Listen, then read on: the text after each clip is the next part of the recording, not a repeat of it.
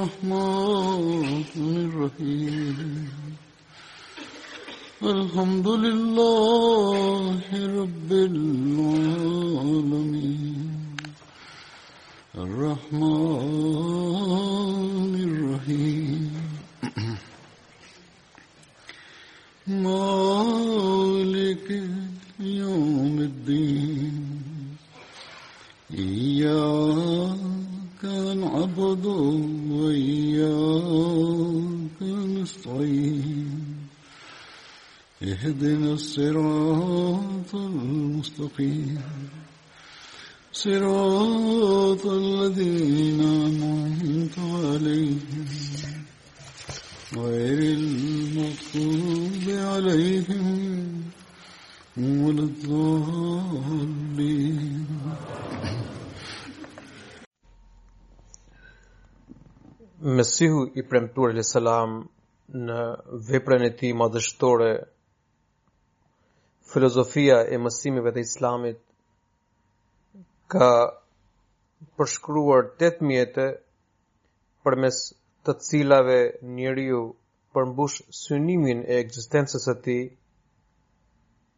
përmes këtyre mjeteve njeriu jo që mund të arrijë dijen dhe njohjen ndaj Zotit të Madhërishëm, por edhe arrin të forcojë këtë bindje. Tani dua të ndaj një fragment nga shkrimet e Mesihut të Premtuar alejhi selam që shtjellon njërin prej këtyre mjeteve, i cili lidhet drejtpërdrejt me temën që do ta trajtoj në hutben e sotme. Ky mjet renditet i pesti në këtë përshkrim. Ai shkruan: Mjeti i pestë që ka caktuar Zoti i Madhërishëm për të arritur qëllimin primar është përpjekja. Që do të thotë të kërkoni Zotin duke shpenzuar pasurinë tuaj në rrugën e tij, duke përdorur aftësitë tuaja në rrugën e tij, duke kaluar jetën tuaj në rrugën e tij dhe duke shfrytëzuar mendjen tuaj në rrugën e tij.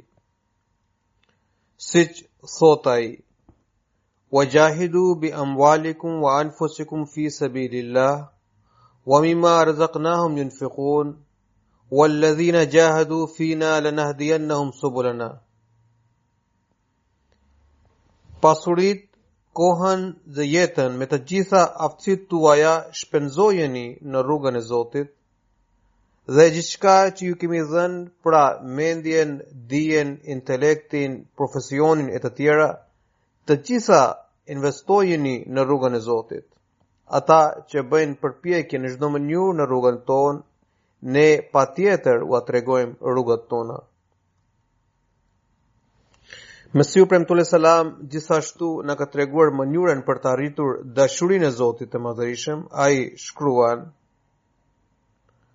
Nuk është e mundur që t'i kushtoheni Zotit dhe në të njëjtën kohë të jepeni pas pasurisë.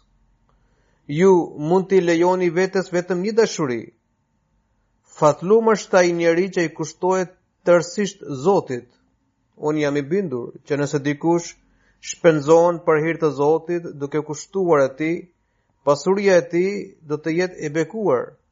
Sepse ajo nuk vjen vetvetiu, por me vullnetin e Zotit.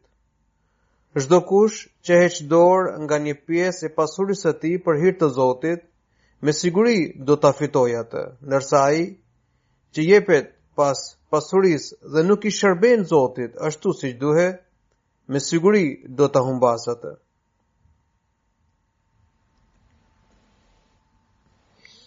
Pastaj ai shkruan Duhet që secili anëtar i xhamatit të betohet se do të kontribuojë kaq të holla si ndi, si ndihmesë. Ai që jep besë për hir të Zotit gëzon begati dhe mbarësi në risk. Ndërsa ata që janë të rinj në këtë xhamat apo ata që shprehin shpërfillje ndaj kësaj porosie apo thjesht u mungon vullneti për të sakrifikuar me paratë e tyre, duhen shpjeguar se nëse me të vërtetë kanë një lidhje të sinqertë, atëherë të zotohen se do të kontribuojnë me kaq të holla dhe le t'i qëndrojnë besnikë kësaj fjale.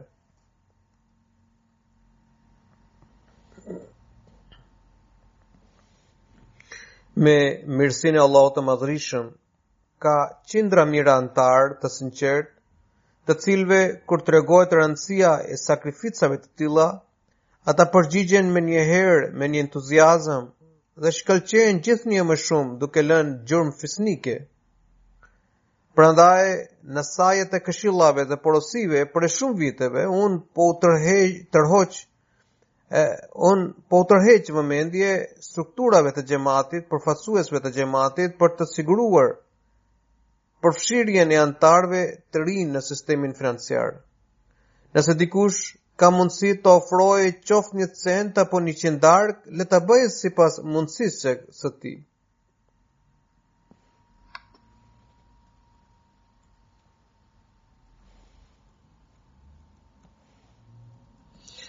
Në disa vende është vërejtur që anëtarët e pasur japin të holla si kontribut në emër të të afërmve të tyre të varfër. Po ashtu, nganjëherë, edhe përfaqësuesit e xhamatit në, në vende të varfra, si në Afrikë, apo në vende të tjera, u bëjnë thirrje anëtarëve të kamur për të paguar nga ana e anëtarëve të skamur.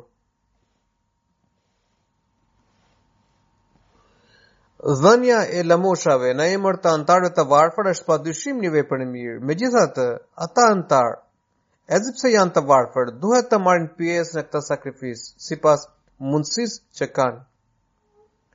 Nuk është qëllimi vetëm të grumbullohen të hollat, paratë, përkundrazi, objektiva kryesore është të bëjmë sakrifica për hir të Zotit dhe fesë së tij.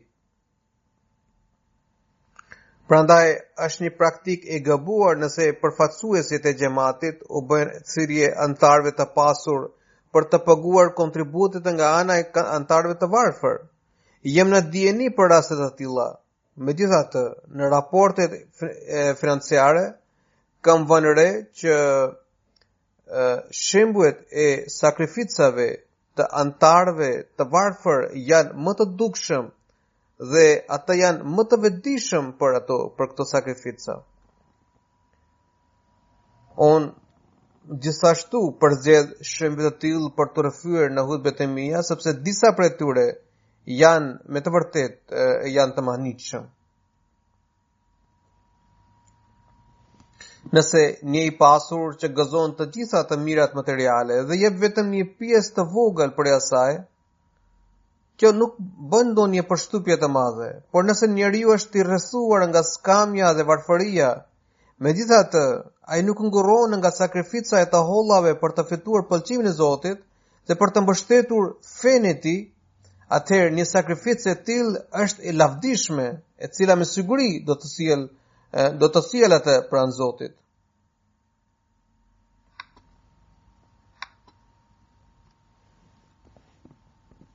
Shembuj të tillë kanë ngjarë edhe gjatë jetës së Mesihut të premtuar alejhi selam. Një herë Mesihu i premtuar alejhi selam kishte nevojë për mjete financiare për të mundësuar botimin e disa librave. Ai ia shprehu këtë çështje një anëtari dhe e porositi që t'u bënte thirrje anëtarëve të tjerë në vendin e tij. me qëllim që të siguroheshin fondet për botimin e librave. Ai vetë nuk kishte mjete të mjaftueshme, pra ai e, e sahabiu i Mesihut të Premtuar alejhi selam nuk kishte mjete të mjaftueshme. ë Megjithatë, ia dorëzoi Mesihut të Premtuar alejhi selam shumën e nevojshme dhe dha për e, dhe dha përshtypje sikur krejt anëtarët e qytetit kishin kontribuar për këtë qëllim. Sakrifica e tij mbeti e fshehur për një kohë të gjatë, por njëherë Mesihu i Premtuar alejhi selam falënderoi një anëtar tjetër të atij qyteti për të mbledhur shumën e nevojshme me gatishmëri pa asnjë vonesë. Atëherë doli se ajo ishte sakrifica e vetëm një personi, ndërsa anëtarët e tjerë nuk kishin dijeni për këtë çështje. Ky njeri ishte Munshi Zafar Ahmedi radhiyallahu anhu, cili kishte shitur stolitë e bashkëshortes për të siguruar paratë. Sigurisht në këtë shembull të vetmohimit bën pjesë edhe zonja e tij. Munshi Arora radhiyallahu anhu ishte shok i ngushtë i Munshi Zafar Ahmedit radhiyallahu anhu. Meqë ata ishin nga i njëjti qytet, Mesihu i Premtuar alejhi selam e kishte falënderuar pikërisht atë për këtë kontribut. Pasi që mësoi për sakrificën e shokut të tij, Munshi Zafar Ahmed radhiyallahu anhu, ai shprehu zemërim se përse nuk i kishte njoftuar anëtarët e tjerë. Dhe përse vendosi të siguronte paratë vetëm. Pra, të tillë ishin ndjekësit dhe shokët e Mesihut të Premtuar alejhi selam, të cilët treguan gatishmëri për të ofruar çdo lloj sakrifice, duke synuar vetëm pëlqimin e Zotit.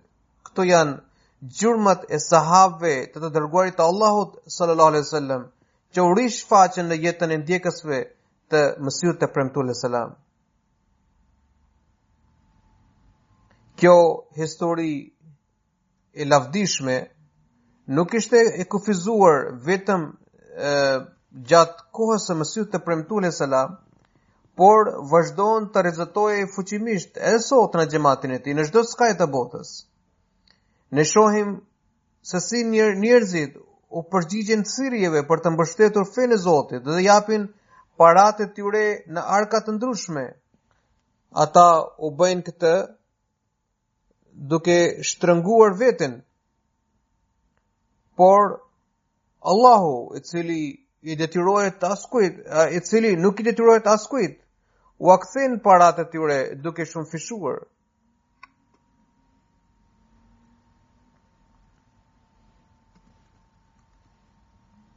Sot kam përzgjedhur disa ngjarje dhe shembuj për të rrëfyer. Meqë sot do të shpalet zyrtarisht fillimi i vitit të ri për arkën Vakfe Xhedid, prandaj ngjarjet që do të ndaj me ju lidhen pikërisht me këtë arkë. Kebe Xhalu,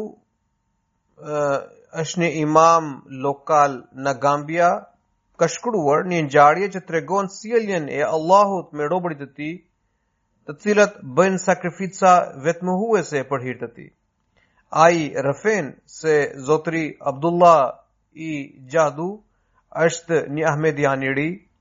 Ai jeton në fshat dhe merret me kultivimin e misrit dhe kikirikut. Prej disa vjetësh nuk kishte pasur prodhim të mirë. Këtë vit ai shiti farat e kikirikut dhe nga paratë e fituara pagoi 700 dalasi, pra është një monedhë është monedhë vendase, si detyrim në Vakfe Xhadid. Allahu ia bekoi punën aq shumë saqë ai vetë rrëfen që këtë vit fitimi i tij ishte 3 herë më shumë se në vitin e kaluar. Kështu, pas procesit të mbjelljes, ai edhe një herë pagoi 1000 dalasi në arkën e Vakfe Xhadidit. Osman Sahibi jeton në një fshat në veri të Gambias, ai rrëfen se në vitin e kaluar kishte premtuar se do të jepte një kovë misri në arkën e Vakfe Xhadidit. Shikoni, një i pasur nuk e ka të vështirë të japë 1000 dollarë, 1000 apo 5000 sterlinga, sterlina britanike apo edhe edhe më shumë. Ndoshta për ata që jetojnë në Evropë, ose ata që jetojnë nëpër qytete, një kovë misri nuk ka asnjë vlerë, ndërsa ata të cilët për mbijetesë varen nga punimet në tokë ose nga prodhimet bujqësore, dinë mjaft mirë vlerën e kësaj sakrifice. Ndoshta një kovë misri mund të kushtojë 5 apo 6 sterlina britanike. Osman Sahibi rrëfen se kishta premtuar që do të jepja një kovë misri në arkën e Vakfe Xhadidit. Ndonëse uh, vitin e kaluar kishte pasur vetëm 12 thasë misri dhe pra si prodhim dhe mezi po arrinte ta plotësonte shpenzimet e shtëpisë ai përmbushi uh, arkën uh, pra premtimin që kishte bërë për Vakfe Xhadid Dhe si rrjedhojë këtë vit pati korrur 30 thasë misri dhe 15 thasë drithërash. Nëse njeriu jep qoftë diçka të vogël me sinqeritet, Allahu ia pranon dhe ia kthen robit duke shumëfishuar.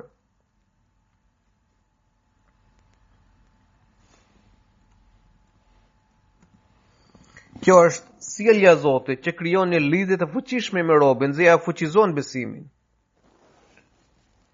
Një muallim nga Kameroni ka shkruar se kishte folur me zotëri Ahmed, një Ahmedian të ri nga fshati Dagogi dhe e kishte njoftuar për rëndësinë e Vakfe Xhadidit. Zotëri Ahmed menjëherë dha dy kovë misri si kontribut në këtë ark. Ai gjithashtu i tregoi mualimit se toka e tij nuk është pjellore dhe për shkak të mungesës së mjetëve financiare ai nuk kishte mundur të investonte në tokë. Shteti ka nisur një projekt për të për për bujqësinë dhe zhvillimin rural. Por për të fituar asistencë, asistencën e shtetit, duhet depozituar paraprakisht një sasi parash, meqë ai nuk kishte bërë pagesë, prandaj edhe pse emri i tij figuronte në listë, ai nuk mundi të fitonte, pra nuk mund të fitonte nga projekti. Mualimi e këshilloi të falte namazin, namazin e tehexhudit dhe të bënte dua dhe që uh, uh, Allahu me siguri uh, do t'ia tregonte një, një zgjidhje, pra do të, do të lehtësonte uh, gjendjen. Kaluan disa ditë dhe zotëri Ahmed erdhi sërish te mualimi ynë dhe i tha se Zoti ia kishte pranuar uh, lutjet dhe edhe pse Nuk kishte bërë pagesë, pra pagesën paraprake, Departamenti i Bujqësisë jo vetëm që i dorëzoi pompën e, e ujit, ë por edhe 500.000 frank sefa për të blerë farat. Ai me një hov të madh ka nisur procesin e mbjelljes dhe shpreson për një prodhim të bollshëm. Ai vetë dëshmon se Zoti i madhërishëm i ka pranuar sakrificën dhe e ka bërë dhe e ka shpërblyer me mirësi të tilla. Pra, i ka bërë këto favore. Për këtë arsye ai tashmë e ka dyfishuar kontributin e Vakfe Xhedidit. Zotëri Nur Hajr është një imam në Indonezi, ai ka shkruar për një çift ahmedian që bëjnë një jetë të thjeshtë, por paguajnë rregullisht kontributin kontributet e tyre. Meqë ata jetojnë në një ishull të largët, prandaj sa herë që imami u vjen për vizitë, Ata i dorëzojnë detyrimet e tyre. Njëherë, nuk e kishte, kishte vizituar imami për më shumë se një vit, megjithatë, ata i kishin futur detyrimet rregullisht në, këtë, në, këtë, në një kuti. Kur mbërriti imami, gati pas një viti, ata tashmë kishin mbledhur mjaft të holla që i dhanë për kontribut. Ata gjithashtu thanë se këtë vit kanë pasur mjaft fitim dhe kjo I ka bindur ata për bekimet e kontributit. Gjatë këtij viti, një person na mashtroi në biznes, por kur e hetuam, kur e hetuam rastin, zbuluam se nuk e kishim paguar drejt kontributet tona. Prandaj pësuam dëm. Pas kësaj ngjarjeje, ë ata u bënë më të kujdesshëm me me pagimin e kontributeve në në kuti. Tani e tutje nuk ka nuk na zë karari, pra nuk qetësohemi derisa nuk kemi mënjanuar, nuk kemi ndarë paratë e kontributit. Kështu sillet Zoti me robërit e tij përmes dëmeve ata përmirësojnë nefsin dhe kështu u shtohet besimi Zotri Bëshirdin është gjithashtu një imam në Indonezi, ai ka shkruar një ngjarje tjetër, ai shkruan se një anëtar kishte paguar 500.000 rupi indonezian në arkën e Vakfe Xhedidit. Vlera e monedhës në Indonezi është shumë e ulët, megjithatë është një sasi e konsiderueshme parash. Disa ditë pas pagimit të kontributit, ai bleu një tokë me vlerë prej 15 milion rupish. Dhe pas disa javësh e shiti të njëjtën tokë kundrejt një vlere prej 50 milion rupish. Ai është i bindur se ka nxjerrë një fitim prej 35 milion rupish për shkak të kontributit në Vakfe Xhedid. Një materialist do ta quajë këtë tregti një pazar i zgjuar. Ë pra, do ta quajë këtë tregti si një pazar të të zgjuar. Se vetëm brenda pak javëve arriti të kthente 15 milion në 50 milion rupi, por ai që synon të fitojë pëlqimin e Zotit dhe bën sakrificë për hir të tij, është i vetëdijshëm se ky është shpërblimi, ky është shpërblim prej Zotit, i cili ia shumëfishoi sakrificën. Një tjetër shembull i bindjes dhe vetmohimit vjen nga Indonezia. Zotri Masum është një imam i cili ka shkruar një, një shembull ka shkruar një shembull të një Ahmediani i cili për arsye ekonomike u vendos në ishull Sulavesi. Në fillim i duhet të përballonte një kohë të vështirë. Ë nuk ishte vend për t'u strehuar ë dhe um, nuk ishte as ndonjë punë që të siguronte të ardhurat. I duhet të flinte në qendrën e xhamatit, por dalëngadalë nisi tregtinë e peshkut dhe derdhi djersë në këtë punë, Pavarësisht çdo vështirësie, ai gjithmonë u tregua i gatshëm në kontributet financiare dhe kështu dalëngadalë iu përmirësuan rrethanat, pra iu përmirësua situata, sot ai kontribuon më shumë se çdo anëtar tjetër në në këtë vend. Ai është gjithashtu anëtar i sistemit të testamentit. Ai beson se arsyeja e mirëqenies së tij është vetëm sakrifica e tij financiare. Një anëtar nga Gambia, Abdurrahman Sahib, shkruan se ka hasur mjaft vështirësi për të paguar tarifat shkollore të djalit, ai këtë hall e ndau me imamin qendror, i cili e këshilloi të jepte diçka në rrugë të Allahut dhe ai si shpërblim, pra Zoti si shpërblim do t'ia lehtësonte gjendjen. Atëherë, kjo ahmedian veproi sipas porosisë së imamit dhe pagoi 285 dallasi në arkën e Vakfe Xhedidit. Pikërisht një javë më vonë, ai fitoi një vend pune me 5000 dallasi si pagë mujore. Kështu, jo vetëm që ai pagoi tarifat shkollore të djalit, por edhe nevoja të tjera të përditshme. Tashmë ai i tregon çdokujt këto bekime se Zoti i ka bekuar e, e, vetëm për e, për shkak të sakrificave të bëra. Ai vetë dëshmon se kjo ngjarje i ka i ka forcuar besimin dhe i, i ka sjellë begati në jetë. Kjo ngjarje tregon se kur një rob i skamur ofron gjënë më të dashur për hir të Zotit dhe i mbështetet atij, Atëherë edhe Zoti i afrohet me dashuri dhe ia shton besimin. Imami ynë nga Gini Bisao shkruan se kur ai tërhoqi vërejtjen një ahmediani tjetër që quhet Monitro Kumara në lidhje me kontributin e Vakfe Xhedidit, ai pra ahmediani iu përgjigj imamit se kishte vetëm 4.000 frank sefa që kishte ruajtur për ushqimin e asaj dite. Pra, kishte vetëm 4.000 frank sefa, monedhë vendase, që kishte që do t'i mjaftonin vetëm për ushqimin e asaj dite. Dhe nuk kishte më para. 4.000 frank sefa kanë një vlerë shumë të ulët, ndërsa familjet e tyre janë, pra familjet afrikane janë të mëdha, me shumë anëtarë. Megjithatë, ai pagoi ato 4.000 frank sefa si kontribut ndërsa mori borxh për të blerë ushqimin.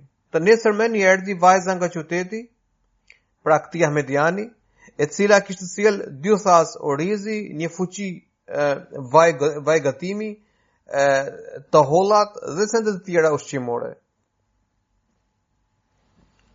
Nga kjo ngjarje ai është bindur se ato të holla që kishte lënë mënjanë për të blerë ushqimin dhe pastaj dha si kontribut për hir të Zotit, tashmë janë bekuar aq shumë saqë i ka siguruar ushqimin për për ditë të tëra.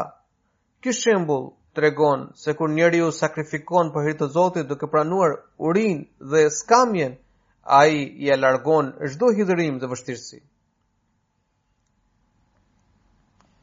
Një arab, një musliman arab nga Franca ka shkruar se vitin e kaluar kishte dëgjuar hutben time rreth Vakfe Xhedidit, në të cilën kisha rrëfyer ngjarje besimnxitëse për për kontributet financiare. Kjo hutbe i kishte bërë përshtypje të thella. Ai është 46 vjeç dhe përballet me problemet financiare. Ai kurrë nuk kishte hasur kaq shumë probleme në jetë sa tani. Ai ishte detyruar të merrte kredi nga banka dhe tani banka i dërgonte lajmërime për të shlyer kredinë sa më shpejt. Në rast mosveprimi dhe mosshlyerjeje në rast se ai nuk shlyen borxhin, banka do t'ia ngrinte llogarinë bankare dhe i vendoste një gjobë të rëndë. Gjatë këtyre ditëve u zhvillua takimi i xhematit në lagjen e tij. Para se të fillonte programi, një shok i tij i dha me zor 20 euro Meqenëse nuk kishte asgjë me vete, prandaj i pranoi këto të holla, pra nuk e mohoi dot. Duke menduar se do t'i mjaftonin për disa ditë. Por, kur filloi programi i takimit, sekretari i financës më rikujtoi për kontributin dhe unë i dhashë ato 20 euro që kisha në xhep. Pas disa ditësh, Ai mori një thirrje telefonike nga banka, meqë deri tani kishte marrë vetëm lajme të këqija, prandaj edhe kësaj here ai priste një lajm të keq, por punonësi i bankës e njoftoi se departamenti përkatës ka, për, ka kërkuar që llogaria e tij bankare, bankare të mos mbyllet dhe bilanci i 600 eurove në minus të bëhet plus. Kjo ishte me të vërtetë diçka e pabesueshme, sepse banka vepron me rreptësi ndaj debitorëve. Pas disa ditësh fitova një shumë të konsiderueshme nga sigurimi shoqëror që më kishin bllokuar prej një kohe të gjatë. Të gjitha këto raste kanë ndodhur pikërisht pas dëgjimit të hutbes së huzurit rreth vakfe xhedidit dhe pas pagimit të një shume të papërfillshme në këtë arkë.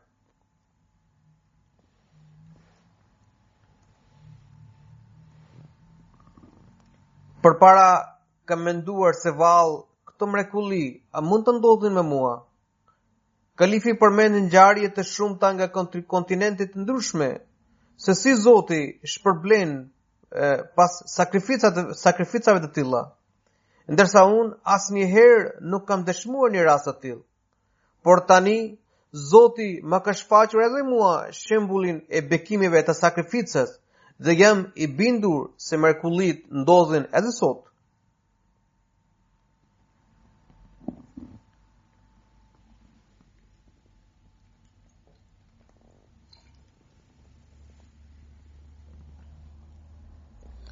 Zotri Keser është imami i xhematit në Haiti dhe ka shkruar një ngjarje interesante që na forcon besimin.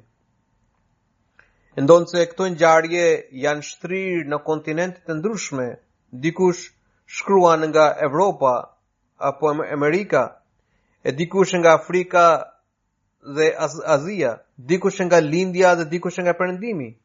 E në dukje asgjë nuk i lidh personat, por kanë diçka të përbashkët. Ai shkruan, pra Zotri Keser, pra Imami i Xhematit në Haiti, shkruan që para disa ditësh një ahmedian i ri nga Port of Prince, i cili quhet Ibrahim, po kthehej nga puna për në shtëpi. Gjatë rrugës diku i kishte rënë një dosje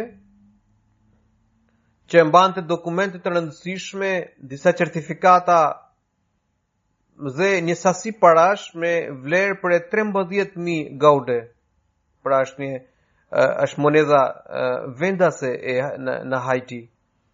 Ai u kthye sërish për të kërkuar dosjen përgjatë rrugës që kishte shkelur, por nuk gjeti asgjë. Ai vetë rrëfen këtë ngjarje dhe thotë, atëherë bëra një zotim, se pavarësisht a kam apo nuk i kam paratë, do të përmbush detyrimin tim në arkën e Vakf-e-Xhedidit për shumën një mijë gaurde. Mora një borxh prej dikujt dhe shleva detyrimin tim. Atë ditë, që kisha paguar kontributin në mbrëmje mora një thirrje nga një numër i panjohur. Ishte një person i panjohur i cili më njoftoi se kishte gjetur dosjen time dhe kur dhe e, Dhe kur mundem, mund t'ja mund të merrja atë. Unë menjëherë u nisa për ta takuar atë.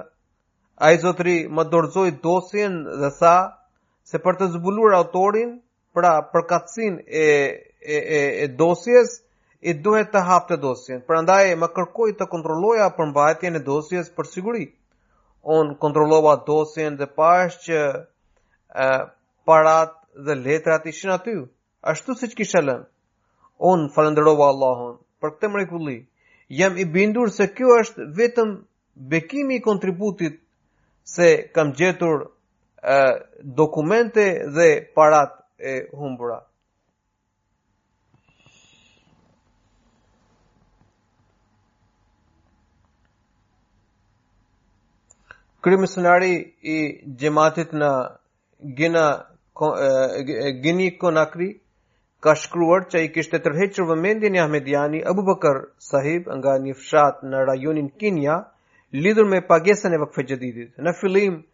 Ai ngurroi pak, por në fund dha një kontribut sipas premtimit që kishte bërë në fillim të vitit.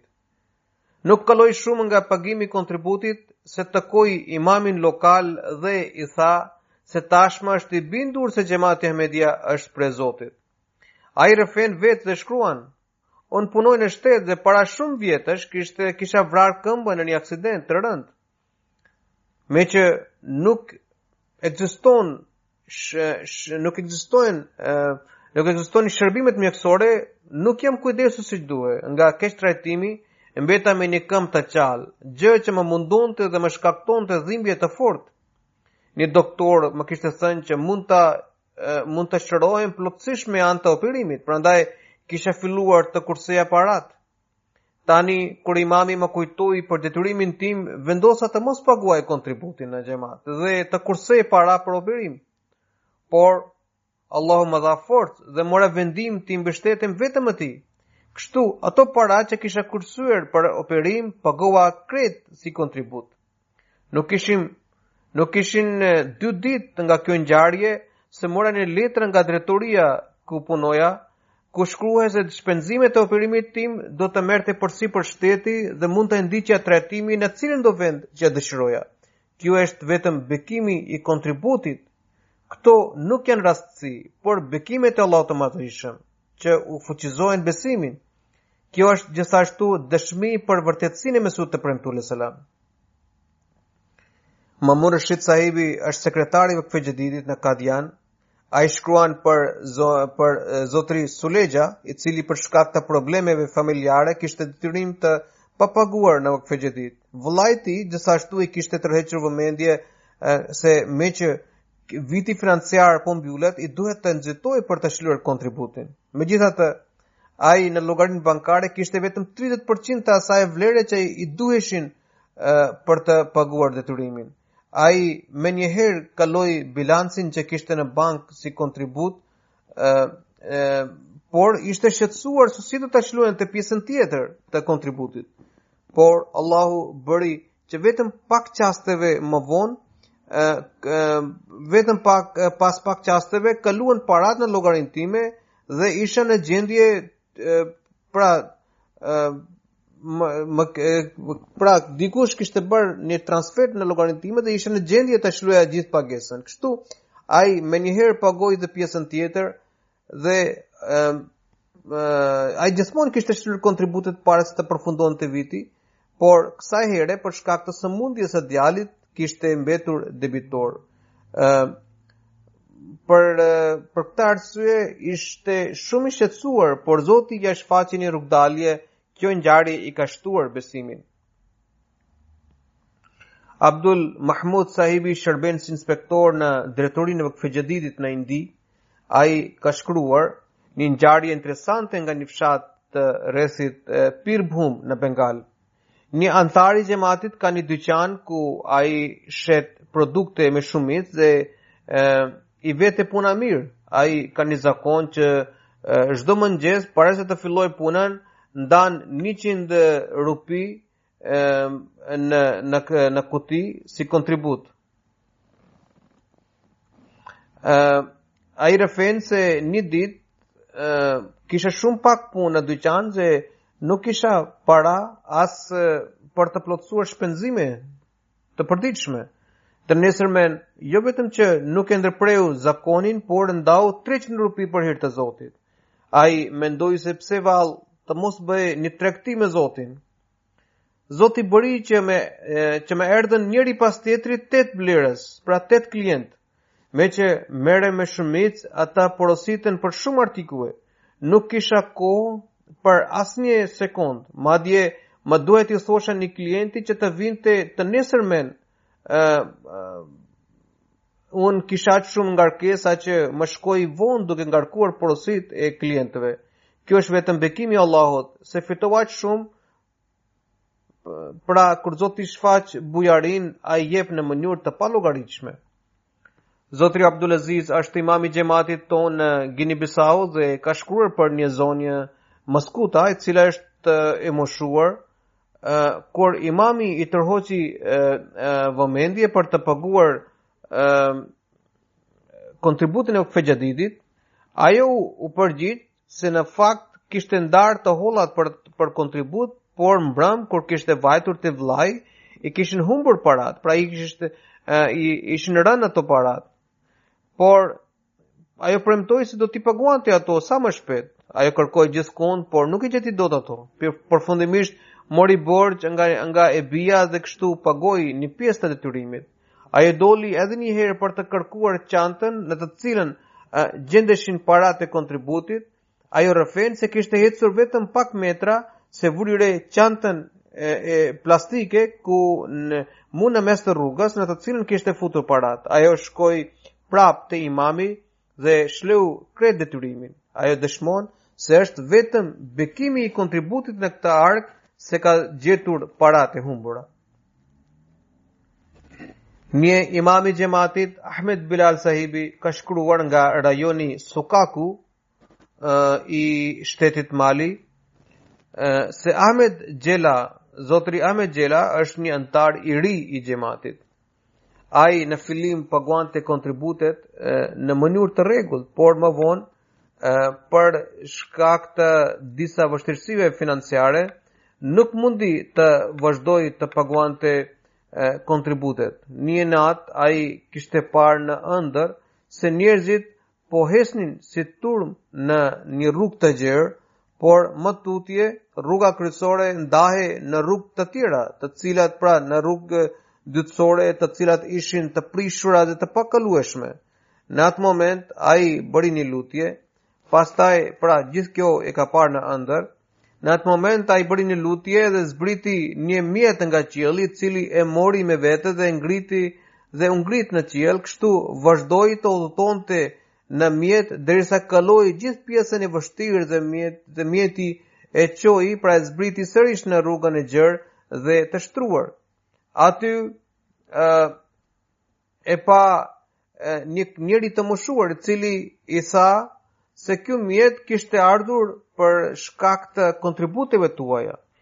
Nganjëherë njeriu haset me vështirësi, por kur një musliman ahmedian paguan rregullisht kontributet e tij, Allahu ia lehtëson çdo vështirësi. Ky ahmedian pagoi krejt kontributin dhe u zotua se tani e tutje nuk do të përtojë kurrë në pagimin e detyrimeve. Vallë, a qenka edhe kjo rastësi? Kryetari i xhamatit nga Tanzania shkruan që ai u kishte bërë thirrje anëtarëve në rajonin Arusha. Zonja Fatime siguron të ardhurat duke shitur banane dhe fruta të tjerë dhe fitimet e saj nga dy ditët e fundit në arkën e Vakfe Xhedidit, pra dhe kishte dhënë ë fitimet e dy ditëve në arkën e Vakfe Xhedidit. Madje ajo përfshiu gjithë familjen si kontribues në këtë arkë. Ai shkruan më tej se kishte njoftuar gjithashtu një zonjë të moshuar për rëndësinë e kësaj arke, të nesërmen kjo zonjë mbërriti në qendrën e xhamatit dhe dorëzoi 5000 shilinga si kontribut në Vakfe Xhedid. Të tillë janë ata për të cilët Mesihu i Premtuar alejhi selam ka shprehur habinë se si sakrifikohen për hir të Allahut dhe u përgjigjen menjëherë vërejtjeve duke shkuar duke shtuar akoma më shumë veprat fisnike. Kryetari i xhamatit në Tanzani gjithashtu ka shkruar që gjatë viteve të kaluara gjendja ekonomike e vendit ka pasur rënie Megjithatë, anëtarët e xhamatit vijojnë të sakrifikojnë me të njëjtin zell e sinqeritet. Zotri Veziri jeton në qytetin Arusha dhe siguron jetën duke shitur gazetat. Kur i thamë për të kontribuar në arkën e Vakfe Xhedidit, ai menjëherë pagoi diçka sipas mundësisë dhe premtoi se do të kursente çdo ditë për, në, për kafe dhe paratë e kursyera do të kontribuonte për hir të Zotit. Kjo tregon synimin e ahmedianëve se për të fituar pëlqimin e Zotit, ata mund të heqin dorë edhe nga dëshirat e tyre. Kryetari i xhamatit në Tanzani ka rrëfyer po ashtu për një djalosh nga rajoni Mara, Ai në përgjithësi shlyente detyrimet e tij të Vakfe Xhedidit në fillim të vitit, por për shkak të gjendjes së shtrënguar ekonomike, ai kishte 15.000 shilinga të papaguar në këtë ark. Monedha vendase ka një vlerë shumë të ulët në treg dhe ai kishte shumë pak para në xhep. Ai llogariti që nëse do të do të jepte edhe ato të holla në kontribut, nuk do të mbete asgjë për t'iu përgjigjur shpenzimeve shpenzimeve deri në fund të muajit. Megjithatë, duke i besuar Zotit, ai dorëzoi krejt të hollat në këtë ark. Të nesërmen, ai mori një thirrje nga drejtoria se faturat e tij që ishin ende të papaguara janë miratuar, po ashtu paga e tij është rritur në mënyrë të ndjeshme. Ai tashmë është bindur që është vetëm mirësia e Zotit se vetëm brenda pak ditëve ai është shpërblyer me gjashtëfishin e asaj vlere që kishte dhënë në rrugë të Allahut. Përpara ishte në një gjendje ku nuk dinte se si do ta mbyllte muajin, ndërsa tani Zoti i dha gjashtë herë më shumë para. Imami ynë nga rajoni Kaja në Burkina Faso ka shkruar se një anëtar Abdu Sahib rrëfen se ndonëse kontribuoja herë pas here në rrugë të Zotit, nuk paguaja rregullisht. Vitin e kaluar kisha bërë zotim se do të merrja pjesë në në çdo ark. Që kur kam marrë këtë zotim, kam qenë i përpiktë në pagimin e kontributeve dhe që prej asaj kohe Zoti më ka bekuar dhe dhe begatuar në çdo aspekt. Përpara kam besuar, kam pasur halle të shumta, por një nga një Zoti më ka zgjidhur çdo problem. Bashkëshortja ime ishte shtatzënë dhe i afrohej koha për të lindur, por nuk kisha akoma asgjë për të paguar për shpenzime në spital. Zoti më zgjidhi edhe këtë vështirësi dhe më rregulloi mjetet në mënyrë të pabesueshme. Alhamdulillah, Zoti na ka falur një vajzë, ndërsa bashkëshortja ime është gjithashtu mirë e shëndoshë. Të gjitha këto janë bekimet e kontributeve që kam dhënë në rrugë të Zotit.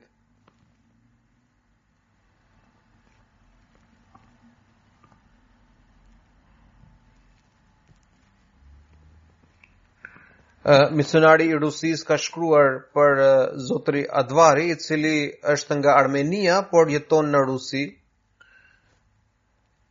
Ai pra shkruan Zotri Advari shkruan se në janar të vitit 2020 më duhet të udhëtoja për punë në Armeni dhe prej andej në Kazan. Për mua kjo udhëtim ishte shumë i rëndësishëm, por nuk kisha nuk kisha rregulluar mjetet për shpenzimet e udhëtimit. Isha i shqetësuar dhe njëkohësisht po bëja lutje. Një firmë e cila duhet të më bënte pagesë në muajin shkurt, kaloi transfert në llogarinë time më 30 dhjetor. Nuk isha vetëm unë që duhet të merr me duhet të merrte pagesën nga firma, por firma bëri një përjashtim vetëm në rastin rastin tim. Vetëm mua më kishin bërë pagesë tani, ndërsa të tjerët duhet të pres duhet të presin presin deri në shkurt. Unë jam i bindur se kjo sjellje e veçantë ndaj meje buron nga nga fakti se kisha shpenzuar në rrugën e Allahut. Pra këto janë bekimet e të shpenzuarit në rrugën e Allahut. Vetëm një musliman ahmedian mund të dëshmojë dhe përjetojë dashurinë dhe mirësinë e Zotit të Madhërishëm.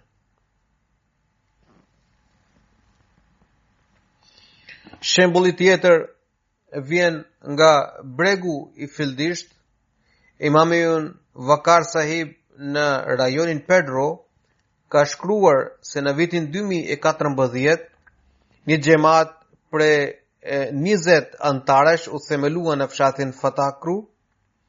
Anëtari më i zellshëm i fshatit ishte Zotri Xhara, i cili me origjinë ishte nga Burkina Faso, por para një viti Ai ishte kthyer në vendin e origjinës, pra në Burkina Faso. Meqë anëtarët e tjerë nuk ishin aq aktivë, prandaj përfaqësuesit e xhematit kishin vështirësi, e, kishin vështirësi lidhur me edukimin moral dhe shpirtëror dhe zhvillimin e, e tyre të gjithanshëm.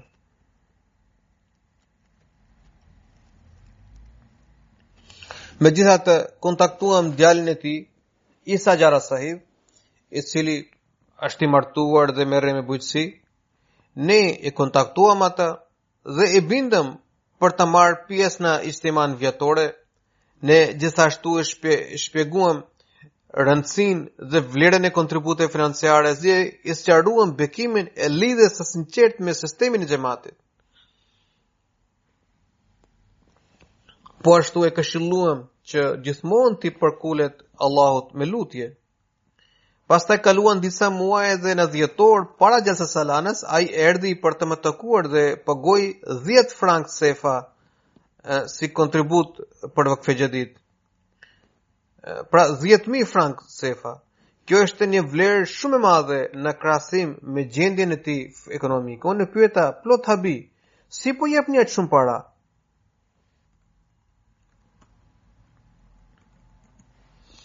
Ai m'u përgjigj që që kur kam nisur të kontribuoj rregullisht në rrugë të Allahut, kam dëshmuar bekime dhe favore të pallogaritshme të Zotit të Madhërishëm ndaj meje.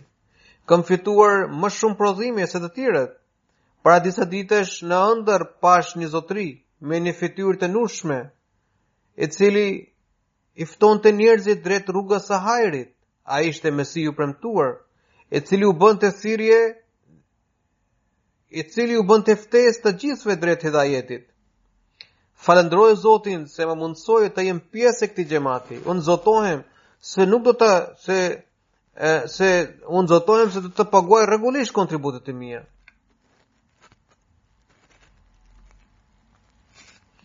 Një inspektor i Vakfe Xhedidit nga India ka shkruar uh, rastin e një vajze 12 vjeçare, e cila është memece dhe e shurdhër, ajo kontribuon prej vitesh rregullisht në arkën e Vakfe Xhedidit. Po ashtu imami ynë nga Liberia ka shkruar se kemi një xhemat në Cape Mount County, një ditë pas namazit të akshamit dhe jacisë, u bëmë thirrje anëtarëve për të paguar në arkën e, arkën e Vakfe Xhedidit, sipas traditës, ata paguanin kontribute për veten dhe për anëtarët e familjes, ndërkohë dy fëmijë të vegjël, Sulejmani dhe Abdullah Kumara, u ngritën dhe dolën nga xhamia Ata u kthyen shumë shpejt dhe të dy paguan nga 20 dollarë secili, pra 20 dollarë liberianë në këtë arkë. Në përgjithësi, atje prindërit paguajnë kontribute për fëmijët e tyre. Prandaj nga kuresht, nga kureshtja, nga kureshtja i pyeta se përse e, kishin paguar kontributin vetë. Ata më thanë se kishin dëgjuar se Huzuri ka thënë që fëmijët gjithashtu duhet të marrin pjesë në Vakfe Xhadid. Prandaj vendosëm të mbledhim të holla e t'i paguajmë ato vetë si kontribute në këtë ark.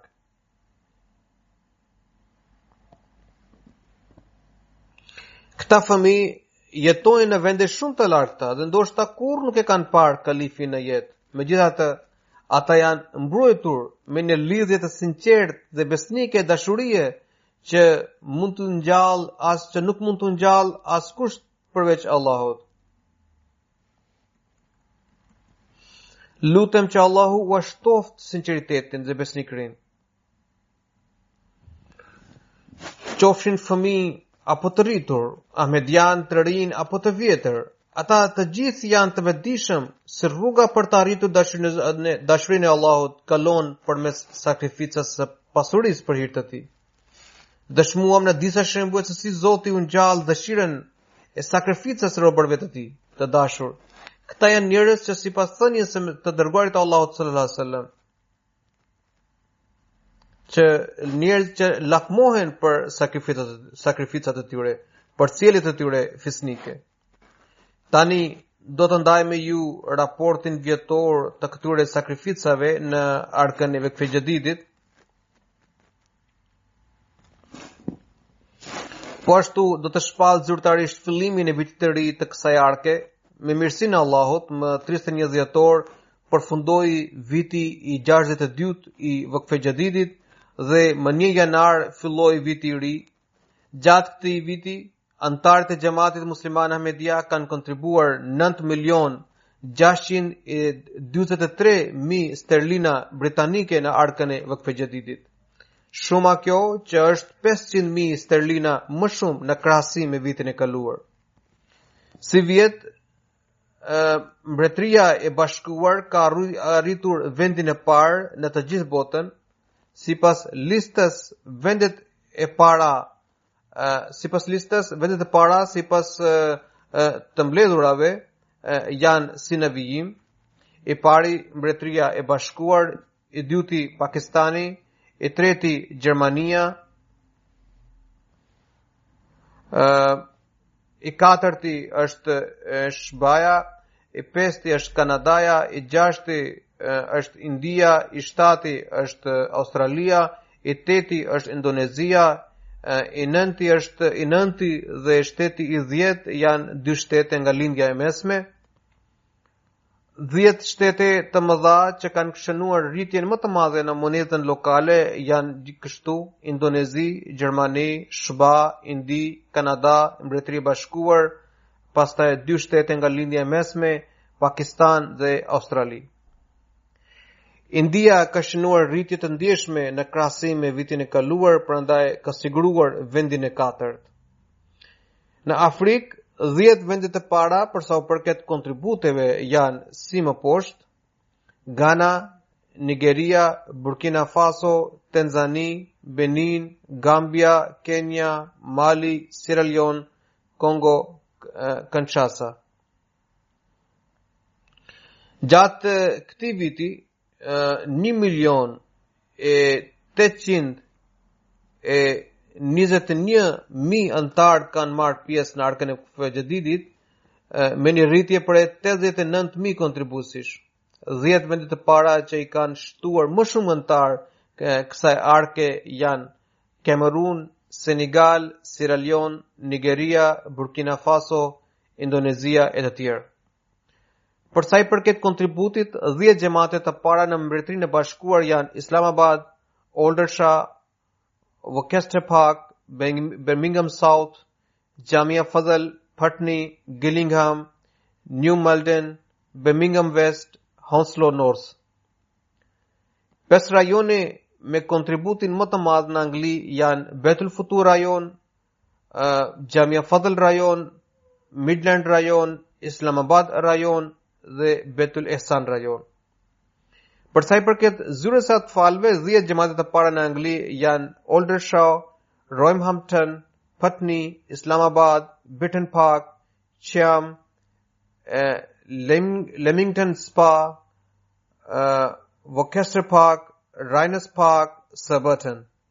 Sipas kontributit nga të rriturit, tri xhematet e para në Pakistan janë Lahore, Rabwa dhe Karaçi. Pakistani ka humbur pozitën e tij për shkak të rënies së vlerës monetare, nëse vlera monetare do të ishte në të njëjtën shkallë ku ka qenë vitin e kaluar, ai pra Pakistani do të ishte akoma në vendin e parë. Prandaj, Mbretëria e Bashkuar nuk ka bërë ndonjë mrekulli duke fituar vendin e parë. Për sa i përket kontributit nga të rriturit, në bazën e rretheve në Pakistan, lista renditet në këtë mënyrë, Islamabad, Sialkot, Ravalpindi, Gujranwala, Multan, Umarkot, Hyderabad, Dera Ghazi Khan, Mirpur Khas, Peshawar. Për sa i përket kontributit, 10 xhematet e para në Pakistan janë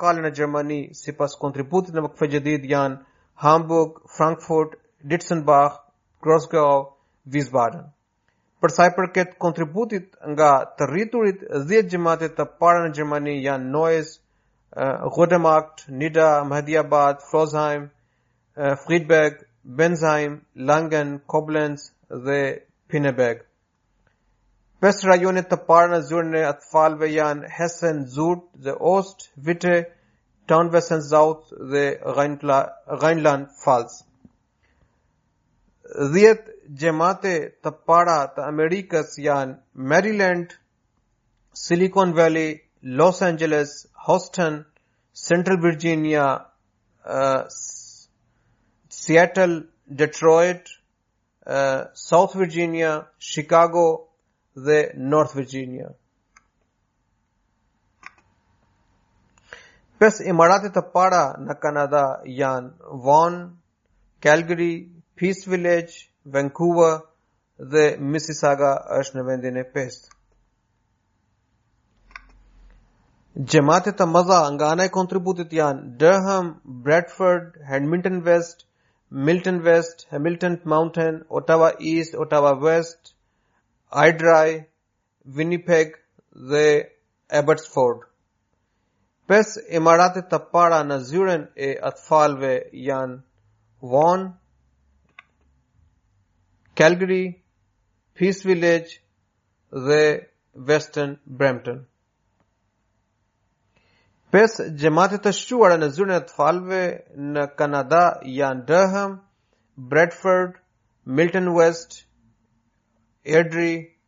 Hamilton Mountain. Provincat e Indisë në kontributin e Vakfe Gjadidit renditen kështu, i pari është Kerala, pastaj i dytë Jammu dhe Kashmir, i treti Karnataka, i katërti Tamil Nadu, i pesti Telangana, i gjashti Odisha, i shtati Punjab, i teti Bengal, i nënti Delhi,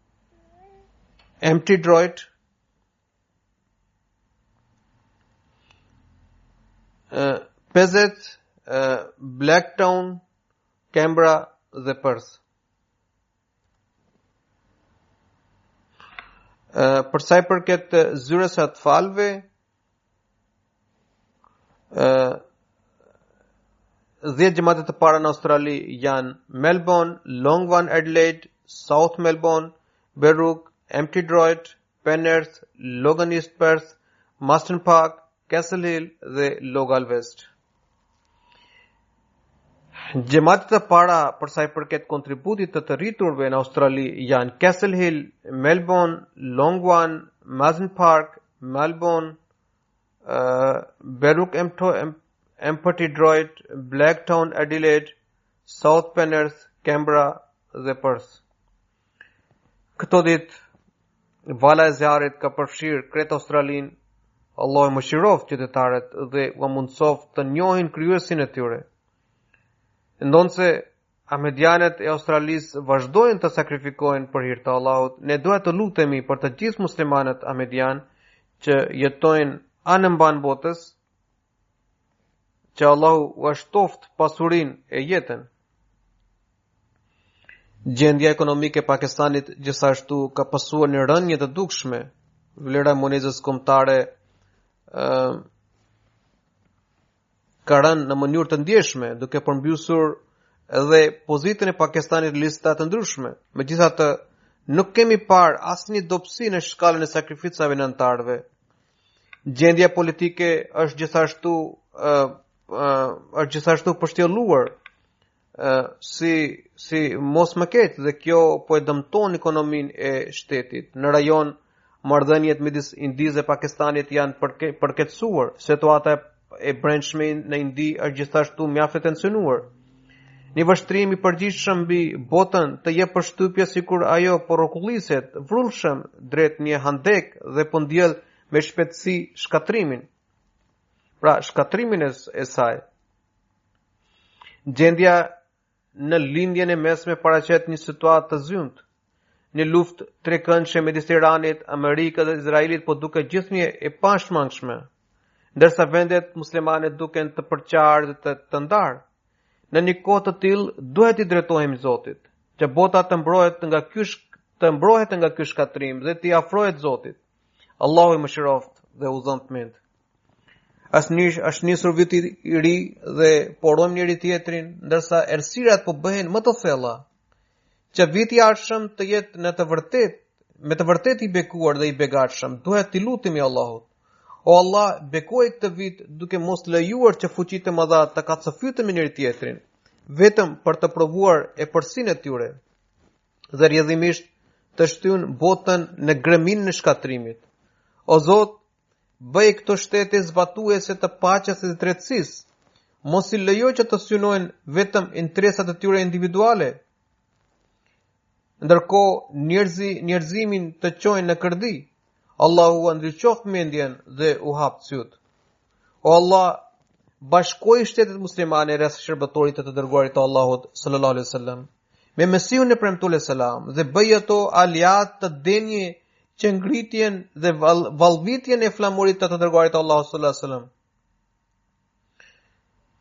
O Zot, bëji ata mbajtës dhe mbrojtës të tohidit dhe mos i bëj ata t'i kundërvihen thirrjes së tij duke kaluar çdo kufi.